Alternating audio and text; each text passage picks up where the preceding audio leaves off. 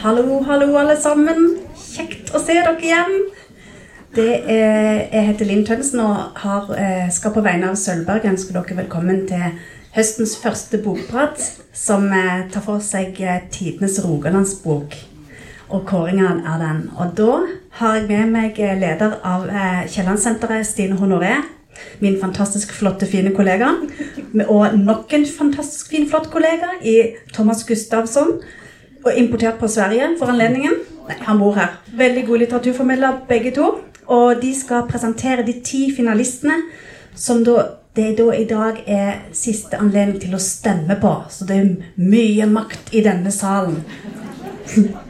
Det, det dere har fått utdelt, noen av dere, eller så finner dere stemmeskjemaene på vei ut, det er et fysisk skjema dere kan levere i en liten postkasse der ute, eller i mine maktfulle hender, så skal jeg føre de dit de skal. Men eh, Så dette tror jeg blir veldig fint, og jeg er veldig glad at så mange har eh, gått gjennom storm og vind og regn og sludd for å nå denne salen. Så hjertelig velkommen. Og da gir jeg ordet til Stine Honoré og Thomas Gustavsson. Takk, Takk. Eh, vi kan jo avklare med de stemmesedlene med en gang, for det var mange som sa at de allerede har stemt. Eh, på nettet eller eh, e-post, og det er jo kjempebra. Eh, men vi har en avtale med Aftenbladet om at de som er på bokprat i dag, de får anledning til å stemme i papirform òg, så det er kun eksklusivt for dere. En sjanse til å kanskje stemme en ekstra gang på favorittforfatteren sin. Eller kanskje dere ombestemmer dere nå i løpet av denne presentasjonen. Det. Det vet vi jo ikke. Men meg og Thomas, vi har lest bare rolandsforfattere siden før påske. Ja. Omtrent. Eh, vi har lest og lest og lest. Eh, og de forfatterne som dere ser her, det er de som vi skal bli eh, bedre kjent med i dag. Eh, tror du var Er det sånn? Sikkert. Ja. Vi må se litt om prosjektet Tidenes Rogalandsbok og den kåringen som vi har hatt her på Sølvberget. Det er et samarbeidsprosjekt mellom Kiellandsenteret, Kapittelfestivalen og Stavanger Aftenblad. Og det er for å markere bokåret 2019. For i år feirer vi at det er 500 år siden den første boka ble trykt i Norge. Eh, og det vi hadde lyst til å gjøre da, eh, for å markere bokåret, det var å sette fokus på lokal litteratur. og få folk til å lese bøker fra Rogaland. Eh, vi har hatt en jury involvert i dette her. Dette er juryens sekretær. Eh, og jeg har leda det juryarbeidet. Og så har vi som eh, De andre som har vært med i juryen, det er Inger Undheim fra Nasjonalt Garderobesenter. Og så er det forfatter Terje Torkelsen. Eh, litteraturkritiker fra Aftenbladet Steinar Sivertsen. Og Per Thomas Andersen, som er professor i litteratur ved Universitetet i Oslo. Så vi har på en måte vært en sånn fagjury.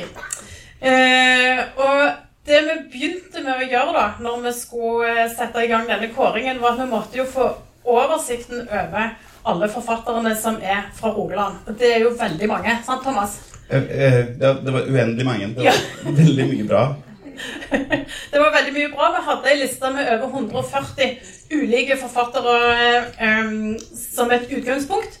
Og så valgte vi i juryen ut 50 av disse her titlene eh, som ble presentert i Aftenbladet i vår. Og så fikk eh, Aftenbladet sine lesere og vi i juryen da vi stemte fram de ti eh, finalistene på, eller de som kom på kortlista da, til å være med på kåringen av tidenes, eh, tidenes Rogalandsbok.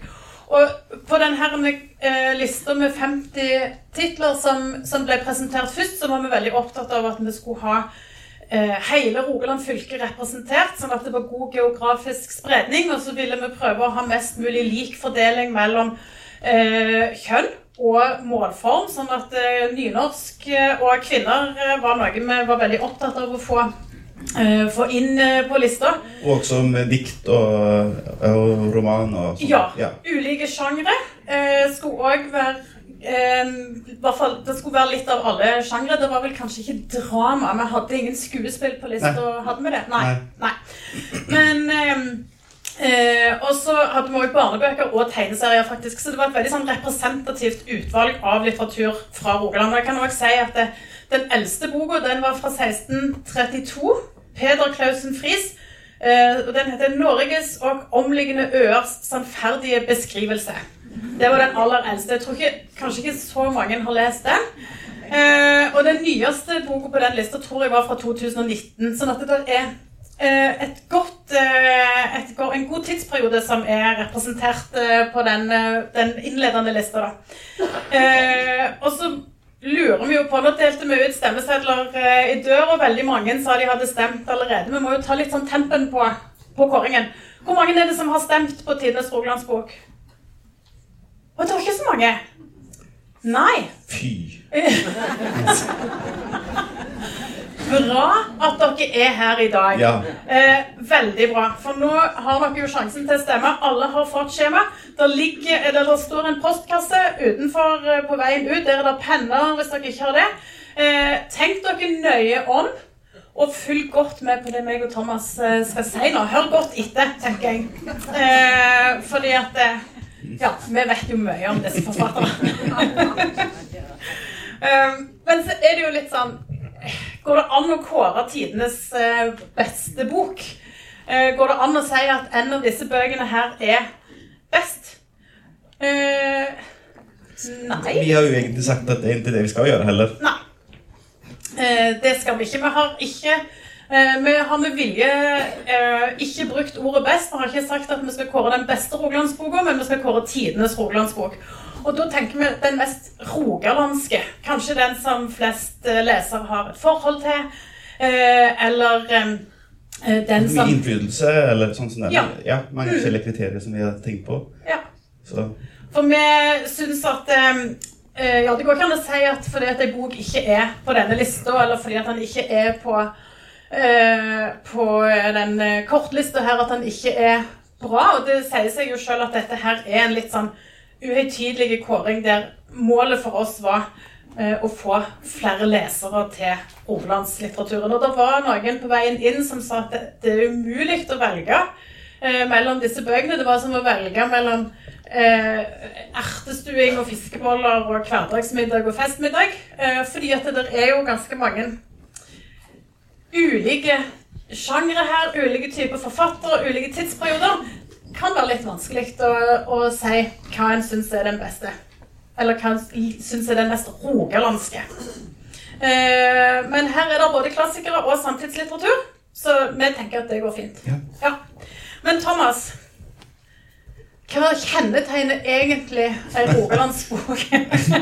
Ja, vi snakket litt om dette i går. Eh, og det, vi det var jo sånn eh, De nære og små tingene som samtidig er universelle. Men du kom jo opp med ganske mye andre sånn gøye ting, da. Så, Ja, jeg, har, jeg, har, eh, jeg har en ganske lang liste over ting Ja. som, som kjennetegner en rogalandsbok, som jeg har oppdaget nå eh, mens jeg har jobbet med dette prosjektet. Eh, og det ene er at veldig mange av de forfatterne som er på den lista, de har bart. Eh, og dessverre så er det eh, ganske få kvinnelige forfattere fra Rogaland før 70-tallet. Eh, og jeg har studert feministisk litteratur eh, på universitetet, og jeg syns det var egentlig ikke bra at det er bare én kvinne eh, på denne kortlista. Men jeg kan si at det, Um, for det om vi ikke har en sånn Camilla Collett eller en Amalie Skram uh, fra vår region, eh, og at kanskje de kvinnelige forfatterne kom litt seint på banen i, eh, i Rogaland, så er det jo veldig mange eh, nå. Aktive Veldig mange aktive, dyktige kvinnelige forfattere som skriver nå. Sånn at eh, dette her eh, Når en skal feire at det er 600 år siden eh, den første boka ble trykt i Norge, så kommer det til å være masse kvinner på denne lista. Ja. Tenker jeg. Ja. Eh, Ingen av kvinnene på listen har bart. Så de gjør ikke Nei. Eh, og det er òg veldig mange av de forfatterne som har gått på Kongsgård skole. Vet ikke hvorfor. Eh, og veldig mange av forfatterne, alle utenom én, kommer på Kapittelfestivalen eh, 19. til 22. september. Og i og med at tre av de er døde, så er jo det faktisk ganske godt gjort. At åtte av ni kommer på kapittel. Ehm, og så er det utrolig mye bra litteratur fra fylket vårt. Det er masse god uh, samtidslitteratur. Mange unge forfattere som fortjener å bli lest og få mer oppmerksomhet. Og det er mange gode klassikere som kan bli lest på ny. Ja, men når vi, hadde, når vi akkurat begynte med dette i, i, um, i vår så sa hun Kristin Kristina Austad Danielsen som var med på en sånn liten samtale vi hadde om det at hun, hun tok det veldig på alvor, og så lagde en sånn tankekart med alle de forskjellige forfatterne som, og dramatikere og diktere som kom herfra. Og når hun begynte å snakke om det, så følte jeg Jeg jeg er jo eh, som de kanskje har hørt, ikke fra Rogaland. Men jeg følte meg veldig stolt likevel. At jeg synes det, var, det var en kul eh, liste, og det finnes mye å være stolt over herfra. jeg. Mm, absolutt. Uh, det er faktisk uh, av, av, de ni forfatterne så er det fire av de som, som, er tatt inn i det som er den offisielle norske kanon, altså oversikten over de 25 viktigste verkene i norsk litteraturhistorie. Der er uh, Garborg er der, Obstfelder er der, Fløgstad er der, og Rimbereid er på den lista. Så vi har jo veldig mye god litteratur fra fylket vårt. og Føler du Thomas, som er innflytter, at du har blitt litt sånn bedre kjent med Rogaland når du har lest disse bøkene? Eh, både òg. Altså, jeg har jo bodd så lenge at jeg, jeg, jeg har bodd 20 år i Stavanger. Jeg føler jeg er jo ganske godt kjent, men, men, men jeg, har, jeg har fått sånn eh, Til og med at jeg, jeg føler meg litt sånn nostalgisk når jeg leser f.eks. Tore Renberg eller Herstad. Når jeg leser om de forskjellige butikkene som jeg husker som fantes før. Og, liksom, men det som jeg sa i begynnelsen også, at de, det er veldig mye de der nære tingene som, eh, som gjelder her. Og det Eh, det spiller ingen rolle hvor du kommer fra, for du har familie kanskje, og du har venner, og du har oppvekst. og det er Mye av de tingene som alle kan relatere til. som er... Mm. Og så oppdager vi jo at, at det med eh, real, hva, heter det, hva heter det nå igjen? Verklighetslitteratur er jo ikke noe som Knausgård starta. Nei. Det starta jo med Garborg på 1800-tallet. Det, det, er det mye av eh, mm. på den lista som vi skal presentere nå. Fordi eh, jeg tenker at det som alle disse bøkene har til felles, er at det, at de handler om um, oss sjøl. De handler om det nære. De handler, om Stavanger og Sandnes og Sauda og Jæren. Uh, de handler om den tida de er skrevne i, veldig mange av de. Uh, og de handler om, om, byen vi bor i, eller landskapet vi omgir oss med, og om de nære relasjonene. og mange av de bøkene gir ganske gode sånn, tidsbilder av den tida de er en del av. Eh, og Tore Renberg sa i et intervju med Aftenbladet i forbindelse med denne kåringen at eh, en blir mer universell når en tar ærlig utgangspunkt i det nære og kjente. Så det er noe med det der eh, å ta det nære og det kjente og trekke ut det universelle i det. Eh, som jeg syns ganske mange av forfatterne gjør. Og det er veldig interessant, for det er en slags rød tråd her. Så bare tenk litt på det når vi går gjennom de ulike verkene, at, det, at det er en Det er noe litt sånn rogalandsk Det er en felles eh, eh, trend i veldig mange av disse bøkene. Skal vi begynne med kanskje bøkene, da? Ja. ja. Eh, den første Vi tar det kronologisk. Den første boka den er Alexander Kielland. Så det er ikke fordi at du er leder for Kiellandsenteret som vi begynner med Kielland? Eh, altså Det kan være derfor òg. Du kom på at du vant med dette? Eh, jeg snakker ja. helst om Kielland. Ja. Ja. Hvis jeg kan velge, så snakker jeg om Kielland. Mm. Eh, eh, det er den eldste boka. Den er fra, fra 1880, og det var eh, Kielland sin eh, romandebut. Eh, og så har vi gjort det sånn Thomas, at vi har en sånn eh, kort beskrivelse av hvert verk. Ja. Det står her Kiellands debutroman. Eh, virkelighetslitteratur fra 1800-tallet. Eh, generasjonskonflikter, intriger og ulykkelig kjærlighet i seilskutebyen Stavanger. Og det var jo faktisk sånn at folk kjente seg igjen i boken. Og det var liksom litt skandaløst eh, på den tiden, da. Det var det. Mm. Det var mange i Stavanger som var litt bekymra når Kielland skulle komme ut med ny bok, for de var redd for at de skulle kjenne seg igjen. Eh, at skulle, at, eller at naboen, enda verre sikkert, at naboen skulle kjenne dem igjen. Eh, det tenker jeg er sikkert enda verre. Eh, og Kielland vet vi jo er den største og viktigste forfatteren fra Stavanger. Han er jo en av de fire store, tross alt. Og han har sitt eget senter. Han fikk jo på 170-årsdagen sin nå i februar sitt eget senter her på Eh, på Sølvberget. Eh, og det er jo litt interessant det med virkelighetslitteratur, siden det har vært så mye snakk om det eh, i det siste. Og vi tenker at det er noe som, som Vigdis Hjorth og Knausgård har, har ikke akkurat satt i gang, kanskje, men at det, er de som, som har som skriver, som er veldig sånn typisk for den sjangeren. For vi tenker jo at, at Kielland òg er litt sånn virkelighetslitteratur mm. fra 1800-tallet. Ja. Uh, og Kielland skriver i Garman Vorse om et um, han skriver om et Stavanger i endring. En by som er inne i en sånn brytningstid med enorm vekst. Det var jo det moderne gjennombrudd eh, på denne tida. Eh, Stavanger var eh, seilskutebyen som var på vei eh, til å gå over til dampskip. Og det var jo nye tanker om religion og kvinners plass i samfunnet. Eh, utdanning, klassesamfunnet Altså, han, eh, han representerte jo veldig mange nye tanker og ideer, Kielland. Jeg syns faktisk at det står for flere av de her tidligere forfatterne. Eh, han var jo veldig sånn kvinne, uh, kvinneforkjemper. Og at uh, det står for flere av forfatterne at de, de hadde en litt mer moderne syn enn hva vi tror at folk på den tiden hadde. Og det gjør at det er ganske gøy å lese det, syns jeg. Mm.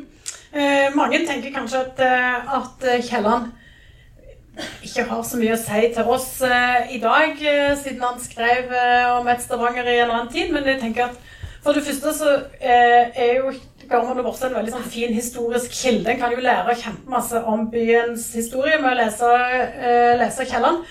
Eh, men det er jo òg en roman med et sånn utrolig fint språk, og dette er, tenker jeg er litt sånn Kielland på sitt aller beste. Her er det humor, og det er ulykkelig kjærlighet, det er veldig sånn skarp samfunnskritikk.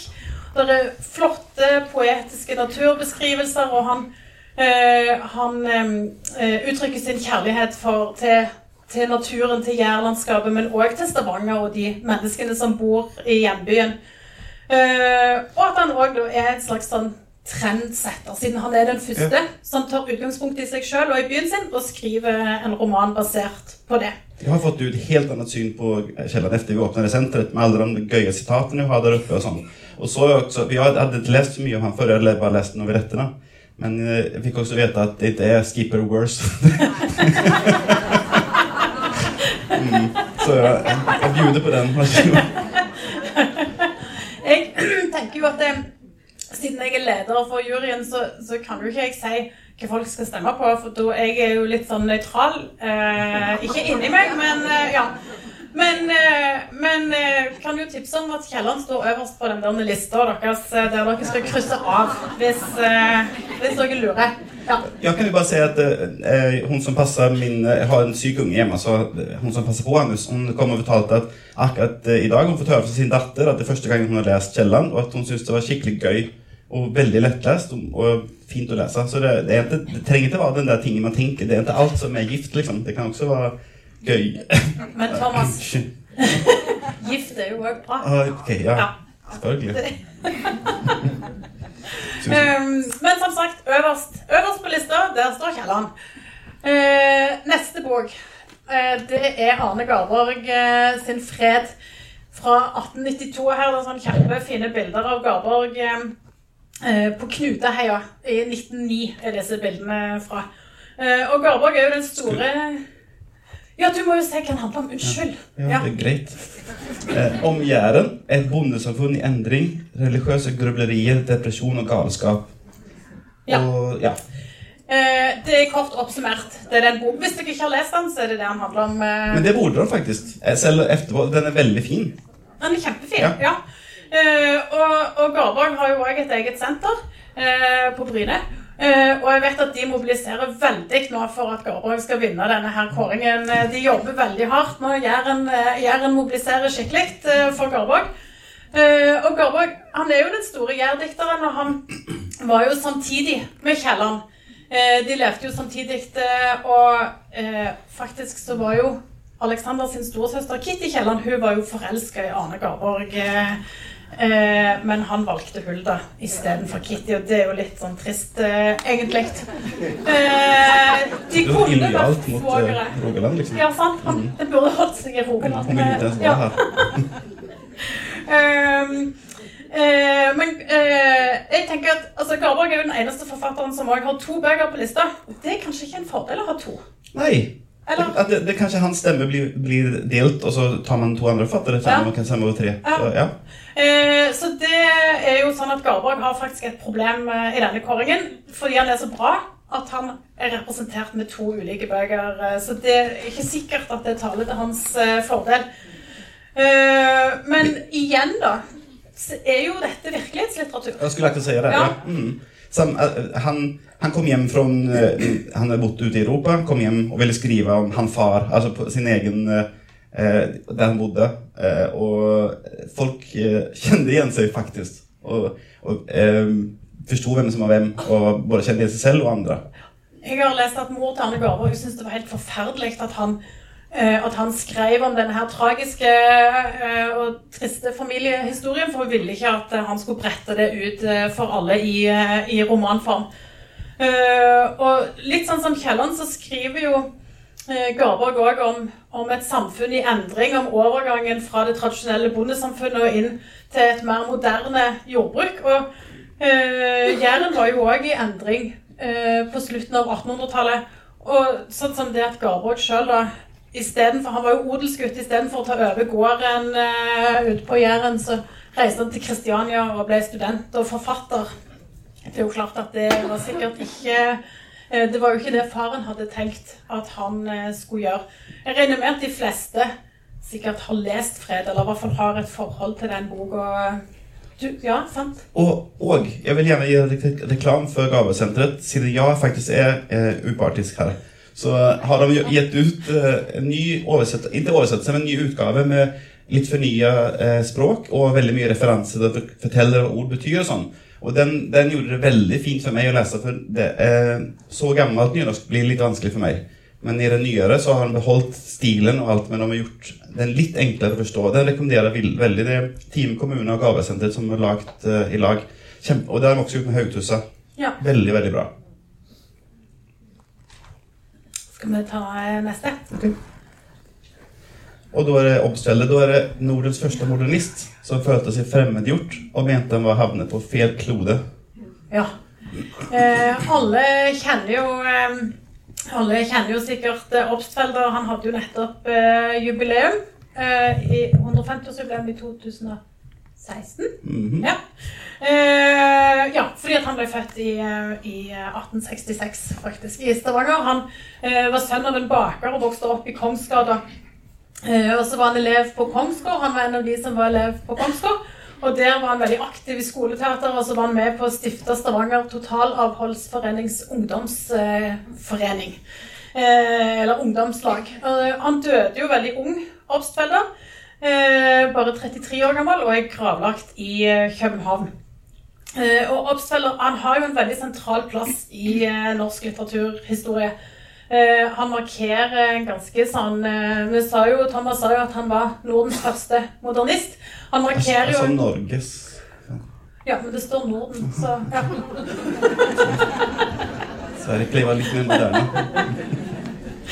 um, uh, nei, han, han, representerer en vending. dette er et dikt som beskriver den moderne erfaringen, det moderne mennesket. Den fremmedgjøringen som, som en Eh, tenker kanskje er en del av det moderne liv. Og, og de vakte oppmerksomhet, diktene, når de ble utgitt. Eh, han var jo veldig ung da han ga ut dem, men det, det, ble oppmerksomhet rundt det. Så han var jo eh, på den måten framgangsrik, da. Ja, han var jo Han var jo Uh, Han bodde jo ikke så lenge i Stavanger. Kanskje han flytta til København og han òg reiste en del og sånn. Men, uh, men, han fikk en del oppmerksomhet i Stavanger òg når disse her dikta kom ut. Eh, og det bildet som er valgt her, det er jo ikke heller tilfeldig, for det er Edvard Munch sitt portrett av Obstfelder. Eh, som, eh, som eh, og, Altså, eh, Edvard Munch eh, har Eller Obstfelder ble kalt det litterære motstykket til Munch. At det som Munch gjorde for billedkunsten, det gjorde Obstfelder for poesien. Det er jo et veldig sånn markant brudd med realismen og naturalismen som har vært før. Og jeg tenker at Veldig mange har sikkert skrevet sånn litterær analyse av 'Jeg ser' på gymnaset. Eh, 'Jeg ser' har blitt omtalt som det perfekte dikt. Eh, så det er noen som alle har eh, et forhold til dette her. Og selv om han ble regnet som en mer moderne forfatter enn Kielland, så var de jo omtrent samtidige. Og det er en sånn fortelling om at Obstfelder ble invitert hjem til borgermester Kielland sitt hus ved Breiavatnet i 1899 på middagsbesøk sammen med Wilhelm Krag, som var svigersønnen til Kielland. Og så eh, hadde de ikke så mye å snakke om, de her tre dikterne. Eh, så samtalen gikk litt sånn treigt, og de visste ikke helt hva de skulle si. Og da eh, gikk Obstfelder inn i, i naborommet i nabostua, og så fant han en fiolin, og så begynte han å spille fiolin. Og så spilte han så vakkert at han rørte Alexander Kielland til tårer. Eh, og så forente de seg i sin kjærlighet for musikk. Kielland var jo òg musiker, veldig glad i musikk, så da hadde de noe å snakke om. Eh, Obstfeller syntes at, at Kielland skrev på en veldig sånn musikalsk og poetisk måte. Eh, så han, eh, han eh, var flere ganger på besøk hos eh, Alexander Kielland, vet vi. Den, den mest kjente historien om Obstfeller er jo den turen han tok en fjelltur med sin eh, danske fru. Eh, og jeg har vokst opp i, i södra Sverige, jeg tror et av de södraste, mest södra alpinanleggen. Så vi fikk alltid besøk av dansker som skulle prøve seg på ski. Og da var alle så lokale bare satte seg og venta litt, og så var det bare noen minutter etter de hadde tatt opp, så de måtte kjøre opp med snøscooter og hente noen som hadde kjørt inn i tre eller et eller annet sånt. Så de, er ikke så veldig flinke på fjell, kanskje, dan, dansker. Men han skulle likevel vise fram eh, den norske naturen da, for sin fru. Og de, det, det sies at han faktisk var veldig fjellvant. Han begynte å skrive om det med å gå i fjellen da han var tenåring. Eh, men likevel så gikk han i fin dress, og hun gikk i dypt utringa kjole. Og så blir de overraska av et regnvær, måtte gjemme seg under en sten. Og så, som tur er, så, så kom det noen gjetere og fant dem. Og eh, så, de, så fikk de følge med inn i en sånn jordhule de hadde. da. Og, og han Obstfeller sank ned i en slags apati og satt med sitt blokk og skrev. Han så sånn ut, sikkert. Ja, han så sånn ut. Han så sånn munksk ut. Og så, eh, Hans fru var overlykkelig, og hun fikk ta av seg den her altså søkkvåte kjolen og låne sånn flanellpyjamas av eh, gjeterne. Og sang eh, eh, fransk opera for dem i jordhulen. Så, så det gikk jo bra, eh, selv om det ikke gikk bra så veldig lenge. Men den turen endte jo godt, da. Men det var visst skikkelig alvorlig en stund, da. Mm. At jeg visste ikke om det, skulle gå. Det var kanskje der han fikk sånn tuberkulose Ja. òg. Ja. Um, videre til Ja. neste. Haugtusser. Garborg eh, igjen. Her står det 'klar favoritt' til tittelen Tina Soglands bok. Ja, altså Nasjonal epos fra Jæren. Klar favoritt. Jeg tenker at er mange, særlig de på Jæren, eh, mener at dette er tidenes Rogalandsbok. Eh, eh, og dette bildet er fra en sånn eh, oppsetting eh, på Rogaland Tater som var i 2011, tror jeg. Det er sikkert noen av dere som har sett eh, den. Eh, veldig fin eh, oppsetting. Eh, og de fleste har jo et forhold til Haugtussa, for her er det jo Vi snakker jo om utallige sånne opplesinger og kunstverk og danseforestillinger og eh, eh, danseforestillinger i Knuteheia og sånn. Eh, og alle har sikkert òg sunget Små sporven på skolen og sånne ting som det. Eh, jeg er fra Jæren, så det kan jo være at det er eh, bare på Jæren at det er sånn. Men dette er jo et veldig viktig verk som sier noe om det jærske på en veldig sånn fin måte, syns jeg. Ja, eh, det som jeg tenkte eh, Jeg leste litt om Jeg leste uh, Haugtussa for første gang nå, da. eh, og jeg leste litt om den også. Og at han hadde det der tinget at han ville vise hvordan det var faktisk på Jæren på den tiden. At de hadde en god andel eh, fra den hedenske kulturen før det ble kristent, og så en god andel fra det katolske, og så en del fra det nyere. Altså, det var jo fortsatt bare kanskje 200 år siden de hadde blitt eh, protestanter. da. Så det var mye som hengte igjen fra mange mange hundre år tilbake. Og så den her miksen som ble da med litt overtro og litt katolisisme, og så litt den nye pietismen. Så det blir en sånn, Og det får han veldig godt fram i denne boken. Den er jo helt crazy og veldig bra. på en måte. Det er jo en veldig sånn, litt sånn magisk og trolsk Ja. stemning Ja. eh, i denne boka. Det er jo eh, det overnaturlige, og det er det litt sånn mørke og dystre. Eh, og em, nå er vi jo i, i nyromantikken, og det var nok mange som var litt sånn overraska når radikaleren og samfunnskritikeren Garborg eh, kom ut med denne, eh, dette diktverket her. For det bryter jo ganske mye med det som han eh, hadde skrevet før. Uh, tenker Han viser jo sin kjærlighet til Jæren. Han bodde i Oslo, han kom hjem til Jæren for å skrive Haugtussa. Uh, det er jo veldig, veldig fint, Thomas. Ja, og ulykkelig kjærlighet, det slår jo alltid igjen. Så Ja. det gjør jo det. ja, Og kampen mellom det onde og det gode, Ja. og natur og kultur og lys og mørke. Det er jo veldig sånn klassiske, klassiske litterære Mm. eh, problemstillinger i denne, i denne boka her. Og så tenker jeg òg at eh, dette, dette er min teori, da. Men eh, at eh, Veslemøy eh, nok kanskje er en av de første sterke, selvstendige kvinnekarakterer i norsk litteratur. og hvert i rogalandslitteraturen så er hun på en måte en sånn karakter som står veldig sterkt på egen hånd. Eh, I motsetning til kanskje en del andre. Altså Kielland sine kvinner er òg sterke, men de er ikke så selvstendige kanskje som, eh, som Veslemøy. Og jeg kan jo si at sånn, i hemmelighet mellom oss to så har hun sagt at hun syns den här kanske bör vinna. Så det kan du ju... Vet du det. Ja, den er veldig, veldig fin, Haugtussa. Han er jo det. Är det nästa? Eh, nå er det neste. Fløgstad. Det som er litt løye her, da, er jo at eh, Haugtussa 1890-tallet, eh, Fløgstad 1980-tallet. Eh, hva skjedde i rogalandslitteraturen mellom slutten av 1800-tallet og 1980? 90 år liksom. Nesten 90 år. Vet ikke. Eh, det er ikke godt å si. Nei. Nei. Och, alltså, jag har ju slitt med den här boken.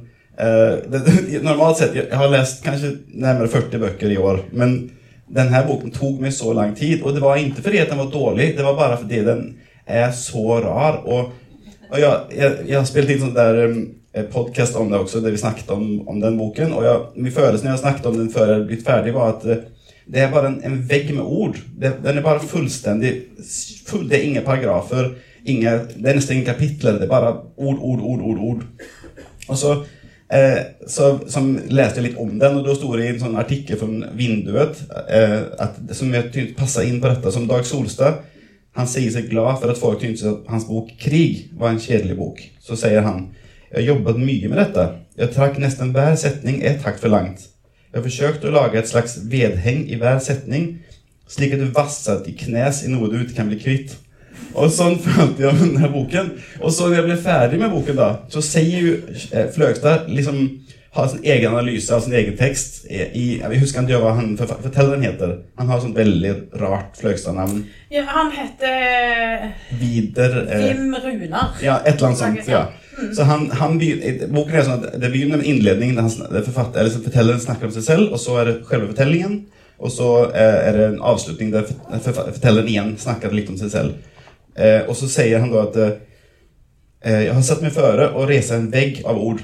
Akkurat det jeg tenkte at det var.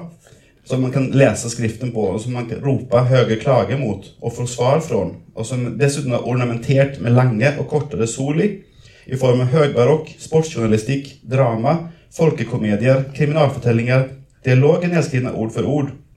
Lik dører som kan åpnes og føre gjennom denne veggen av ord og ut på den andre siden. Ja, jeg har åpnet døren og sett ut i stille mørket i det veldig tomme norske landskapet. Og det er sånn boken er. Og det er jo liksom utmattende, men i partier er det og da, altså Han som skrev den artikkelen, da, han også var sånn at det er som et ulykkelig kjærlighetsforhold. At plutselig så er du helt inne i varmen, og så bare plutselig så Fløgstad det ut igjen, og så er han helt umulig. Og så blir det plutselig veldig bra igjen. Så den er, den er en litt utmattende bok, men helt fantastisk bra i, i lange partier. Eh, og så gjør han det vanskelig med vilje. Det er det som er det verste. At han, han gjør det med vilje, for han er jo en av de beste forfatterne vi har. Han gjør det vanskelig for leseren med vilje. Thomas var veldig sliten når han holdt på med denne boka her. eh, Men Mm. På avstand du så liker jeg det mye bedre. ja, Ja. ja, du må få den litt på avstand. Ja. Ja. For det er jo et slags sånn overflødighetshorn av en bok, dette her. Det er liksom det, det, Jeg ble litt stressa når jeg leste den. Ble litt sånn uh... Og just at, han, også at det er ingen, ingen paragrafer. At det, og all, margene går bare sånn. Det er bare, det er bare tekst, tekst, tekst. sånn. Ja. Eh, Men ifølge Fløgstad sjøl, da, så er jo dette hans beste bok. Eh, Har ikke han sagt det? ja, Det er det jeg skulle si egentlig på forhånd, men jeg glemte det, for jeg ble så opptatt av meg selv.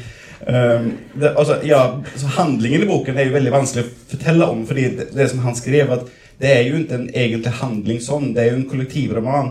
Så det finnes mange forskjellige hovedpersoner i den. Så han, han skriver jo om Norge fra begynnelsen av 90-tallet fram til 1980. da.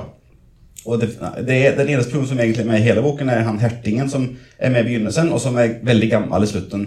Men ellers er det en familie, og så er det en ny familie, og så er det en ny familie som, som viser på en måte hvordan Norge forandres i løpet av de årtiene. da. Så det er jo et, eh, det er et praktverk eh, utført på en eh, krevende måte. Okay. Ja. Og det, jo, det ble regna som et av de viktigste verkene i norsk etterkrigslitteratur, eh, denne boka her.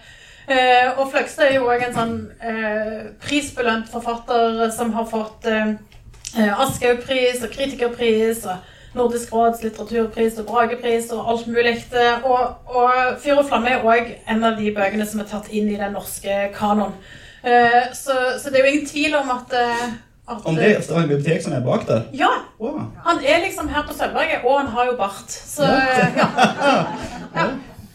Eh, Men han er jo en politisk forfatter, Fløgstad, det skinner jo gjennom hele veien den, den eh, samfunnskritikken eh, og den samfunnsanalysen som han driver med i, i litteraturen sin. Det er òg veldig tydelig i boka her. Innimellom alt det der hektiske og kaotiske. Ja, og så er det innslaget som magisk, eh, som er helt overnaturlig, som jeg ikke helt blir helt klok på, men det, det gjør jo det blir en helt unik blanding. Spennende. Han anbefaler han jo. Ja, ja, ja. Absolutt. Ja. Eh, en av mine beste venner har, jo- har jo Fløgstad som favorittforfattere, og, så det er jo det er ikke alle som er like sånn, dumme som jeg, som ikke får det til helt. Skal vi ta neste? Vi ta neste. Ja. ja. Kolbeinn Falker, ja. Eh, den, akkurat denne samlingen er en av de mest solgte diktsamlingene i norsk historie. Om den ufattelige tragedien å miste et barn. Ja. Eh, og Kolbein Falkeid han, han er født i 1933 i, eh, i Haugesund. eh, og debuterte i 1962. Så han har jo eh, vært en del av, eh, av eh, norsk samtidslitteratur veldig veldig lenge. Han har jo eh, vært aktiv forfatter eh, siden 1962. Det er jo eh, Hvor mange år er det? Det er 50, snart Flere 60 tiår før ja. Mm. Eh, og Falkeid er en veldig folkekjær lyriker, og han, i tillegg til at han skriver dikt, så har han jo òg et samarbeid med Vamp. Eh, og har jobbet mye sammen med de, og selv om han er 86 år gammel, så ble han faktisk sist sett dansende i en sånn Vamp-video. Jeg vet ikke om dere har sett den videoen, men han danser i, i en av de siste eh, videoene til, til Vamp, en av de nye sangene deres. Eh, og Kolbein Folkeid han mener at, at dikt bør framføres, eh, og at de når et større publikum når de blir satt musikk til. Så det er jo en veldig sånn fin uh, måte å tenke poesiformidling uh, og, og sette musikk til, til dikt. Ja, I Sverige har de faktisk et av de største bokprogrammene som heter Babel. Og da har de faktisk at de gjør det. Da tar de og setter sammen et band og en, en poet, og så lager de arrangement i lag som de framfører. Og det er jo helt fantastisk kult. Jeg, mitt sterke punkt når jeg leser, er jo ikke poesi, men når du får det på den måten, så og så når han samarbeider med forfatteren også, da, så får de, kan han få frem rett følelse som han vil uttrykke. Så det, det han har helt rett. Det er Ja. veldig kult. Um, han blir òg kalt Vestlandets dikter, Kolbein Falkeid, men diktet hans er oversatt til over 25 ulike språk, så det må jo være en litt sånn bredere appell enn eh, til oss vestlendinger i det han eh, skriver, da. Uh, og det er jo ikke så ofte at en diktsamling blir en bestselger, men det skjedde, som Thomas sa, med, med En annen sol når den kom i 1989. Eh, og diktet handler om tapet av eh, en datter, datteren Helga, som, som var syk, og som tok selvmord når hun var bare 25 år gammel. Og Falkeid har beskrevet denne diktsamlingen som et forsøk på å skrive seg ut av sorgen. Eh, og det er sikkert derfor disse diktene ble så populære òg, tenker jeg. For det, er, det er veldig vakkert, og det er veldig sårt, og det er vondt. Men det er òg lett tilgjengelige dikt eh, om, eh, om en fars fortvilelse og sorg. Så det er noe veldig sånn lett tilgjengelig i, eh, i, i de diktene og i de følelsene han skriver om det. Eh, Så det er Det var vel egentlig det jeg Ja. ja. Vi har ikke lyst til å tøyse så mye rundt denne boken, Nei. så vi kan gå til neste. Ja. Eh, Det òg er jo dikt. Science fiction fra Stavanger, det er en sånn framtidsdystopi eh, i diktform. Rimberg skriver om industribyen Stavanger, eh, så derfor står han framfor industrien her. Om du vil at vi skal gå til neste med en gang? Eh, nei. Nei? Nei, kan vente litt. Nei, det var, det, det var, Eh, neste er også om han. neste. Eh, nei, jeg valgte dette bildet av Øyvind Rimbereid fordi de fleste bilder av han som er på nettet, da mottar han en eller annen pris. Han har vunnet veldig mange eh, priser, han eh, eh, godeste Rimbareid her, men, men han skriver jo om Stavanger, han skriver om industribyen Stavanger, så jeg syns det bildet passet veldig godt. Eh, og Solaris korrigert, som kom i 2004, den har eh, blitt satt opp flere ganger på teater. Det har òg vært opera, faktisk. Eh, og det er jo ikke så ofte kanskje at en diktsamling blir til teater. Det er jo Haugtussa òg det, altså. Men, men eh, Solaris korrigert er et episk dikt som beskriver Stavanger i framtida. I år eh, 2480. Eh, og det følger en hovedperson som lever i en by som heter City Stavgersand. Som vel er en slags sånn framtidsversjon av eh, Sandnes og Stavanger. Eh, og jeg tenker at dette er en veldig sånn vakker og poetisk, men ganske skummel eh, framtidsdystopi. Eh, og det handler om Norge og Stavanger etter olja. Eh, noe har skjedd som gjør at jordoverflaten er ubeboelig. Eh, olja er slutt, eh, og eh, alle menneskene må flytte inn i de tomme oljebrønnene. De skal lage et, sånn, eh, et nytt, konstruert samfunn der alle menneskene flytter inn i de tomme oljebrønnene. det er ubeboelig. Ja. Ja. Mm. Mm. Eh, eh, havet har blitt sånn gjørme. Det er nesten ingen fisk igjen. Det er nesten ingen ville dyr. Eh, så derfor så Hovedpersonen, Eig, eh, som han heter, som er fortelleren, jeg-fortelleren i dette, i dette um, verket, han, han eh, er sånn båretekniker eller ingeniør eller noe, og så jobber han med å omforme oljeinstallasjoner i Nordsjøen til et nytt eh, kunstig samfunn. Eh, her er det mye sånn teknologi og roboter og kunstig intelligens. Eh, og den nye verden under havet er den eneste redningen for menneskene. Eh, og så vet ikke jeg personen da, eller fortelleren om, om den nye verden kommer til å bli paradis eller helvete. Det er et sånt spørsmål som, eh, som er litt sånn underliggende hele veien. Kommer dette her til å gå bra? Eh, og så er det språket, da. Ja. Eh, og nå kan vi se på språket. Eh, fordi at eh, Rimmereid gjør noe helt sånn fantastisk med språket i eh, Solaris korrigert. Han har lagd sitt eget språk som en blanding av stavangerdialekt og engelsk og norrønt. Eh, det er ganske vanskelig å lese, men det er veldig, veldig vakkert. Eh, og det, eh, språket vårt er jo i endring hele veien. Språk er i stadig utvikling. Sånn at når han eh, har konstruert dette her helt nye språket, så signaliserer han til leseren med en gang at det, tida har gått. Det er 500 år fram i tid. Vi er i et nytt samfunn. Eh, ting er ikke sånn som de eh, er i nåtida. Og man kommer jo inn i det også. Altså, etter hvert så blir du Jeg fikk jo en sånn slag i ansiktet når jeg skulle begynne, begynne lese det. Ja, for du har jo norsk som andre språk. ja, jeg er jo helt, är helt chanslös. Men det gikk jo bedre etter hvert. Så du forstår hva han vil fram til. Du, og det er lettere om du leser det litt høyt for deg selv, Om, du er litt alene da, så du blir helt sett på. Men eh, for, då, då, uttalen blir litt mer eh, at du kan skjønne. Ja. Um, og jeg tenker at uh, Dette er jo fra 2004. uh, men jeg tenker at uh, Solaris korrigert er enda mer aktuelt i dag enn det var eh, for eh, 15 år siden. For ehm, han skriver jo om, om det Stavanger som ble rammet av oljekris, og som signaliserte til oss at det, før eller senere så tar oljealderen slutt. Eh, og nå er vi jo inne i en tid der vi snakker veldig mye om eh, menneskeskapte klimaendringer og menneskets eh, innvirkning på, ja, på klima og miljø, som gjør at vi blir tvungne til å Vi vil bli tvunget til å leve på en annen måte. Og da kan det jo være at Rimbereid har eh, svaret på det i, eh, i dette diktet, da. Oljeinstallasjoner eh, under, under havet. Mm. Jeg vet ikke. Ikke heller. Ville du ha flytta Ja. inn igjen? Ja? Jeg har aldri vært på sånn plattform. Det er spennende. Kanskje som ferie. Skal vi ta neste? Ja. Eller vil du lese dette? ja jeg vil ikke lese Nei. ok, så er det Johan Herstad. Ja. Å oh ja, ja. det står sånn, ja. Om en ung mann i identitetskrise. Eh, boken om og til de evige tornene. De som er mer Buzz Aldrin enn Hjallis. Og jeg, Du vet ikke hvem jeg visste ikke hva Hjallis var. og det er ikke Ja. Men, eh, men ellers er det jo helt sant. Det er jo en, eh, en bok som har mest eh, om en mann eller, som har mest lyst av å være usynlig. Han, vil, han, vil, han, har, han er venner med noen veldig populære gutter i klassen. Men han står bare liksom i lag med dem. Han sier ikke så mye, utom når de er alene. da. Han vil, han vil ikke bli lagt merke til, men han vil være, eh, han vil være så, Akkurat som Buzz var den mest erfarne piloten på romskipet og gjorde alle de mest innviklede tekniske tingene, så var det ikke han som fikk oppmerksomhet etterpå. Han har jo fått mer oppmerksomhet nå de siste årene, fordi at han har jo Blant annet så tror jeg han slo noen på trynet som, in, eh, som insisterer på at de ikke hadde vært på månen.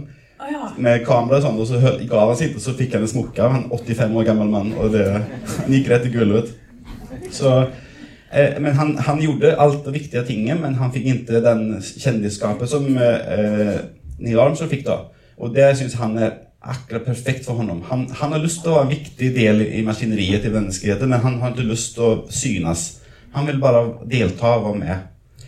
Ja, og Full tittel på denne boka er jo eh, 'Buzz Aldrin hvor ble det av deg i alt mylderet', men det hadde vi ikke plass til å skrive her. Eh, og Johan Harstad han er den yngste forfatteren som eh, er eh, finalist i kåringen. Han er født i 1979, så han blir 40 nå i år. Eh, og han har faktisk allerede vunnet eh, prisen for tidenes beste norske ungdomsroman. Eh, så han er på en måte allerede Han har allerede vunnet en sånn tidenes beste pris for ei bok som heter 'Darla 172 timer på månen'. Månen er tydeligvis et sånn eh, Den er veldig kjent i utlandet også. Den, den, har, den har fått mye oppmerksomhet Ja. eh, ut på engelsk og sånn også, så Han er oversatt til veldig mange språk, Harstad, og, og denne eh, romanen her ble jo òg til en TV-serie eh, i 2011. Og eh, Johan Harstad vant jo Aschehougprisen nå forrige uke, eller uka før. Eh, og han kommer òg til kapittel. Han skal holde årets Kielland-foredrag. Eh, fredag 20. september eh, holder han eh, Kielland-foredrag på Skal jeg fortelle litt om boken? eh, Sånn handlingen, eller har vi tid? Vi har litt dårlig tid. Ok. Eh, ok, med tre setninger. Så Ja. ha, han har en kjæreste som han har hatt i, siden de var tenåringer. Eh, han har en jobb som han elsker, han er gartner. Og så nesten samtidig så gjør kjæresten slutt etter å ha vært utro i over et år. Og gartneriet går konkurs. Eh, så han får et sammenbrudd, da. Og det sammenbruddet får han Han reiser med sine venner til Færøyene eh, for å være eh, lydtekniker på en konsert. Og så eh, kommer han på et sånt hjem der, på en måte. Og da etterpå handlingen videre der, da. Men det er, det er veldig fint. og veldig liksom langsomt. Og in, altså langsomt uten å være kjedelig. Jeg syns den er veldig fin. Han er jo veldig fin, den boka. Han er ganske tjukk. Jeg vet at uh, han eh, brukte tre år på å skrive den boka, uh, Johan Harstad. Uh, sikkert fordi at han dveler ved Ja. Men den er, den er veldig god. Jeg kan, når jeg er ferdig, jeg kan godt tenke meg å se den der serien, for jeg har ikke, har ikke sett den. Og den går ut og ser på NRK, så vi kan ha den på biblioteket her, da. Ehm, Ja, vi har bare to bøker igjen. Eh, og Kompani Orheim eh, fra 2005. Skal Eh, ja. Renbergs mest leste bok, og som jeg legger til selv, at den mest såra er barndomsskildringen og farskaps... eh, Og om de hemmelighetene en familie kan bære på, og om oppvekst i Stavanger på 80-tallet. ja. For Thomas, hva skjedde når du leste denne boka her? Jeg begynte å grine. Ja, Han begynte å grine. Mm. Det Jeg må, hver gang jeg griner, sender jeg melding til deg. Men den, eh, og det er ikke alltid fordi at det er fælt. Det for min del så er det ofte at jeg, jeg blir veldig lei meg på en måte når ting ordner seg litt. Så når det liksom at, Eller han uttrykker seg veldig fint om smerte på en sånn poetisk måte som han klarer i denne boken. Den er utrolig, utrolig fin, syns jeg. Ja. Eh, denne boka er òg filmatisert, eh, og det var jo òg hele Rogaland leser-boka i, eh, i fjor. Og Jeg tenker, jeg er sånn cirka like gammel som Tore Renberg, så den ungdomstida som han beskriver, Stavanger på 80-tallet, det er noe som jeg kjenner meg veldig godt igjen i. Og han skriver jo fra et Stavanger eh, som er en moderne oljeby. Eh, men det er jo mye som er ganske annerledes i den eh, verdenen som han Jarle Klepp, da, som hovedpersonen heter, vokser opp i. Eh, for det første så skriver han om at det er ikke så mange innvandrere i Stavanger. Og skilsmisse det var ikke vanlig i det hele tatt. Eh, Og Kjensvoll-gjengen de regjerte på Gosen og på Kjensvoll. Alle var redde for Kjensvoll-gjengen. Eh, og det som jeg syns er mest sånn eh, Kanskje litt sånn fremmed fra i hvert fall Det var ikke sånn der jeg vokste opp, men i denne boka her så får 15 år gamle gutter de får mye sånn rullerøyk av fedrene sine. Eh, og det tenker jeg også signaliserer at 80-tallet var i litt annen tid kanskje enn eh, enn, en, for Da er det sånn Vil dere ha røyk? Trenger dere papir? Det får de hele veien. eh. Eh, men eh, men eh, det handler jo om, om eh, Jarle, som, som bor på Madla og går på Gosen skole, og som har mormor på, på Byhaugen, og så gleder han seg sånn til han skal bli ferdig på ungdomsskolen, kan begynne på Kongsgård. Eh, og Jarle Klepp, hovedpersonen, han er jo òg kjent fra 'Mannen som elsket Yngve' og flere av de bøkene eh, til Renberg. Eh, og jeg tenker at Kompani Orheim er jo en slags sånn dannelsesroman. Mm. Eh, for Jarle han lærer veldig mye eh, på de 460 et eller annet sider den boka eh, her er. Han, han, lærer om kommunisme og feminisme og kampen mot rasisme. Han lærer å bli radikal og være i opposisjon. Eh, og så lærer han å drikke øl og røyke. Og så lærer han om sex og kjærlighet og jenter, og det syns han er ganske vanskelig. Eh, Eh, og så lærer han eh, at alle familier har hemmeligheter, og at i noen familier så velger en å ikke snakke, en tie de hemmelighetene i hjel. Eh, og en snakker ikke om det som er vanskelig. Og så lærer han òg at det er ikke alle voksne som er til å stole på. Noen ganger må du bare klare deg sjøl. Mm. Eh, og det er jo der det veldig sånn triste og vonde ligger i denne boka her. Og hva er det egentlig som skjer, Thomas, i denne boka? Ja, altså, Som jeg leser det altså, det, det, gikk veldig opp og ned her, men at eh, Til å begynne med så er faren en veldig god person, på en måte. Eh, og så begynner han å drikke, og i begynnelsen så er det bare på helgene. Og så tar du alkoholen over mer og mer, da. Men når jeg kom lenger ut i boken og lenger ut i boken, og når den var ferdig, så, så forsto jeg at han kanskje ikke var så god egentlig han, i begynnelsen heller, når han var edru. Fordi eksempel, som du sa, Han har ikke kontakt med familien. Han er veldig kontrollerende. Og når de er på en sånn tur, så gjør han noe helt forferdelig fast han er helt edru. Så, så han, det, det, Problemet her er jo faren, da. Men samtidig så forsøker han på sin måte. Og det er det som gjør at det er så fint, syns jeg, at eh, selv om om han er så fæl, så beskriver jo han likevel de fine egenskapene han også har. Det, for Ellers hadde det bare vært at du hater den mannen. Men det gjør man jo ikke heller. Han forsøker jo, og så er det alkohol, og så forsøker han etter noen år igjen. Men så fort det kommer seg litt ovenpå, så begynner han å drikke igjen. Og da blir det det samme om igjen. Det er jo en, en families uh, vei til sammenbrudd og kollaps, ja. uh, dette her. Og boka begynner med Eh, boka begynner med at Jarle får en telefon om at faren er død. Og så slutter han eh, med begravelsen, og så er hele midtpartiet eh, Jarle sin fortelling om barne- og ungdomstid. Eh, veldig sterk og fin fortelling. Og, og litt sånn som Kielland. Eh, Tore Renberg tar ut, veldig sånn sterkt, eller sånn tydelig utgangspunkt i, i sitt eget miljø, og sin ja. egen oppvekst og sin egen by når han skriver. Og det var jo akkurat sånn at jeg var tørrøyd når jeg leste den når han holdt tale i begravelsen. Det var, men det, det, er trist på en sånn fin måte. Jeg synes den er, De som ikke har lest den Og den begravelsen er jo en overraskelse, for det står jo i begynnelsen. Så derfor er det ingen sånn spoilers. Liksom. Det, er bare, er, det, er bare, det er veldig bra. Er en veldig bra bok. Um, siste bok er jo òg uh, den nyeste boka. Den er, det er 'Vinterkrigen', Janne Stigen Drangsholt fra 2018. Eh, den nyeste boka og den eneste kvinnelige forfatteren. Mm. Eh, og det er kanskje òg den morsomste den morsomste av bøkene her.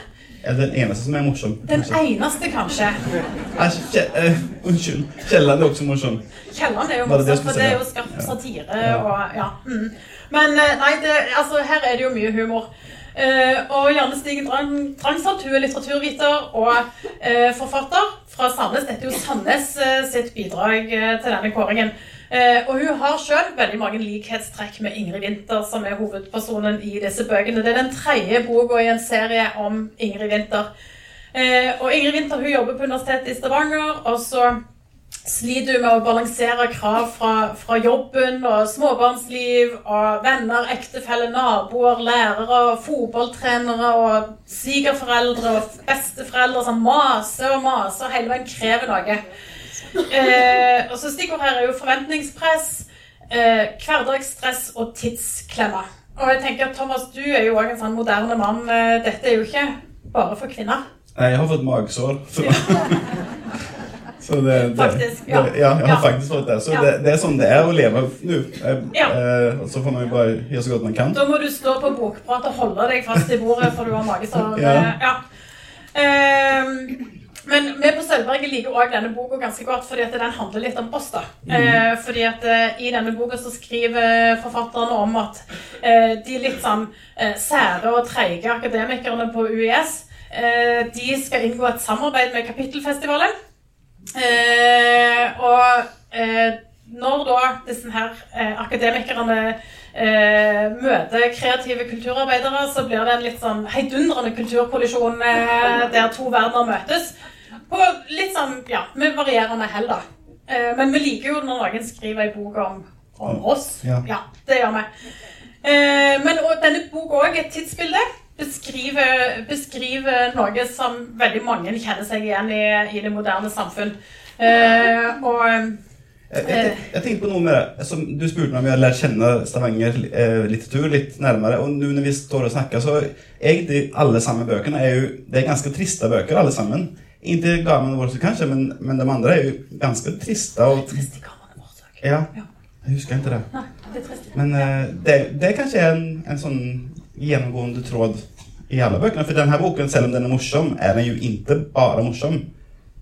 Men det er vel kanskje noe der av det som berører oss, da, Ja. som vi syns er bra. At det er noe som, som vi kjenner snakker litt eh, til oss. Eh, og jeg vet ikke, Nå har jo jeg sagt før også at jeg skal være nøytral i denne kåringen, men jeg tenker at det, dette er den eneste kvinnelige forfatteren. Kvinnelig publikum, kvinnelige lesere. Her må dere kjenne litt på et sånt samfunnsansvar, syns jeg. Sant? Ja. Ja. Og så vil jeg avslutte kommentar på en måte for meg er litt eh, at eh, Selv om jeg har bodd i Stavanger i 20 år, så er jeg fortsatt litt Du sier at man kan aldri bli sidig som ikke man er født. Det her er mange generasjoner det nå er. Så har jeg gått med sånne joggesko som ikke tåler vann, og så har jeg gått i vannet til skolen, eh, til eh, jobbet. Så jeg er helt søkkbløt. Så eh, nå skal jeg hjem og bytte sokker.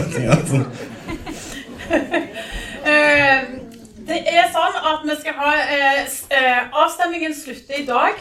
Nå får jo dere stemme på veien ut, og så er det òg eh, eh, avstemning på eh, Aftenbladet sine nettsider. Eh, den slutter òg nå eh, i dag, torsdag 5.